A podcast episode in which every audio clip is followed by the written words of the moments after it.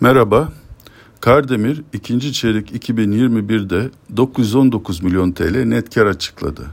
Ortalama piyasa beklentisi olan 780 milyon TL ve ak yatırım beklentisi olan 812 milyon TL'nin üzerinde. Şirket ikinci çeyrek 2020'de 106 milyon TL net zarar açıklamıştı. İkinci çeyrek 2021 net karın beklentilerin üzerinde gerçekleşmesi, Nisan'dan itibaren şirketin riskten korunma muhasebesi uygulamaya başlamasıyla meydana geldi.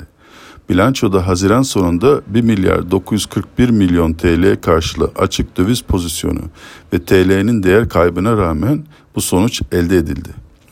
İkinci çeyrek 2021 ciro yıllık %109 büyümeyle 3 milyar 640 milyon TL olarak gerçekleşti ve ortalama piyasa beklentisi olan 3 milyar 474 milyon TL ve bizim beklentimiz olan 3 milyar 370 milyon TL'ye yakın. Ciro'daki büyüme satış hacmindeki yıllık %5 büyüme satış fiyatlarında ve satış fiyatlarında artışlardan kaynaklandı. İkinci çeyrek 21, FAVÖK yıllık %590 büyümeyle 1 milyar 256 milyon TL olarak gerçekleşti ve beklentilere paralel geldi. FAVÖK marjı %34.5 olarak gerçekleşti. Geçen yıl aynı dönem %10.5'ti. Ton başına FAVÖK ikinci çeyrek 2020'deki 43 dolardan ikinci çeyrek 2021'de 232 dolara çıktı. Ve birinci çeyrek 2021'deki 195 doların da üstünde. Artan satış fiyatları ve ham madde fiyatları ile makasın açılmasıyla bu sonuç ortaya çıktı.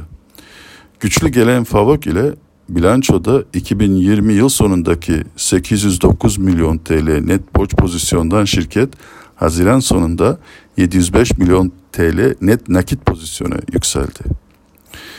İlk çeyrek 2020'de görülen satış fiyat artışları ikinci çeyrekte devam etti. Böylece 2021 yılının ilk yarısında daha yüksek ton başına fabrik rakamları e, bekliyoruz.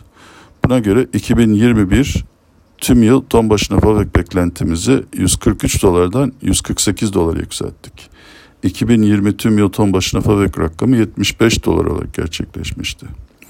Bu revizelerle Kardemir D hisseleri için 12 aylık hedef fiyatımızı 10 TL'den 11 TL'ye yükselttik. Endeksin üzeri önerimizi koruyoruz. Sonuçlara olumlu tepki olabileceğini düşünüyoruz. Herkese iyi günler.